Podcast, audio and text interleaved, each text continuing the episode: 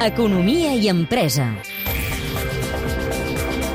L'actualitat empresarial, laboral i econòmica a Catalunya Informació.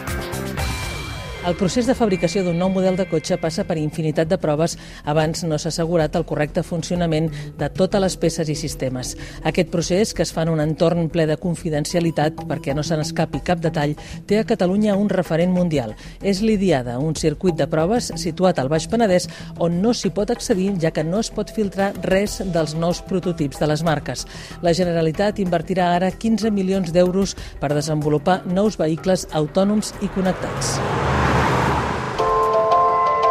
El circuit Idiada de Santa Oliva, que és com un gran escalèxtric, creixerà amb més pistes i amb uns cotxes més intel·ligents. Si ara a l'Idiada hi ha 14 pistes, amb aquesta nova injecció de milions se'n faran 3 més, simulant autopistes i més endavant carreteres comarcals i els carrers d'una ciutat amb tots els seus obstacles.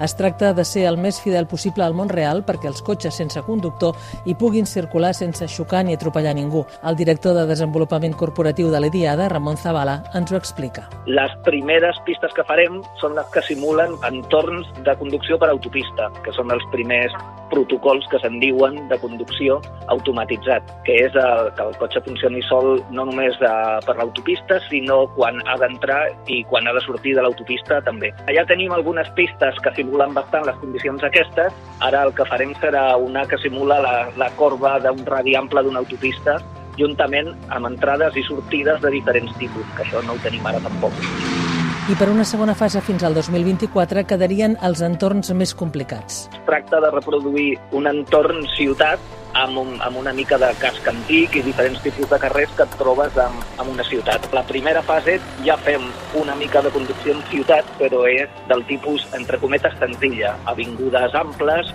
interseccions amb bona visibilitat. El cotxe autònom i connectat és ara mateix el gran repte.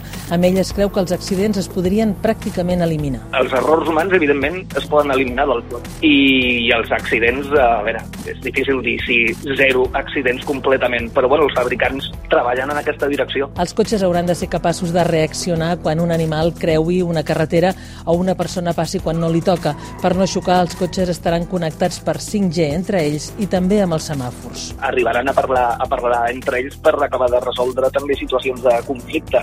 I de dir, escolta, qui, qui, passa, qui passa primer quan arriba amb una cruïlla, tu o jo? Amb la inversió de 15 milions d'euros es podran fer les proves amb 5G. És una xarxa on nosaltres canviem paràmetres. Podem simular pèrdua de senyal, podem simular que passes d'un operador a un altre, podem simular que passes d'un país a un altre i que la xarxa també té freqüències diferents.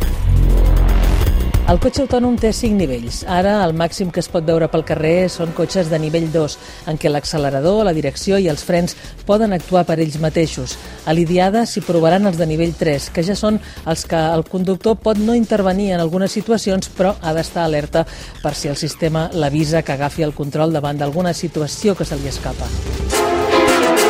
I per acabar, una curiositat. Els cotxes que aniran sols seran només pels que s'ho puguin pagar?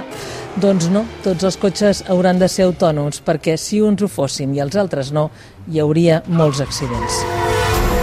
És un reportatge de Montse i Gené, amb muntatge musical de Luis Ángel Alonso. El teniu ja disponible al podcast de l'Economia i Empresa. Economia i Empresa. A Catalunya Informació.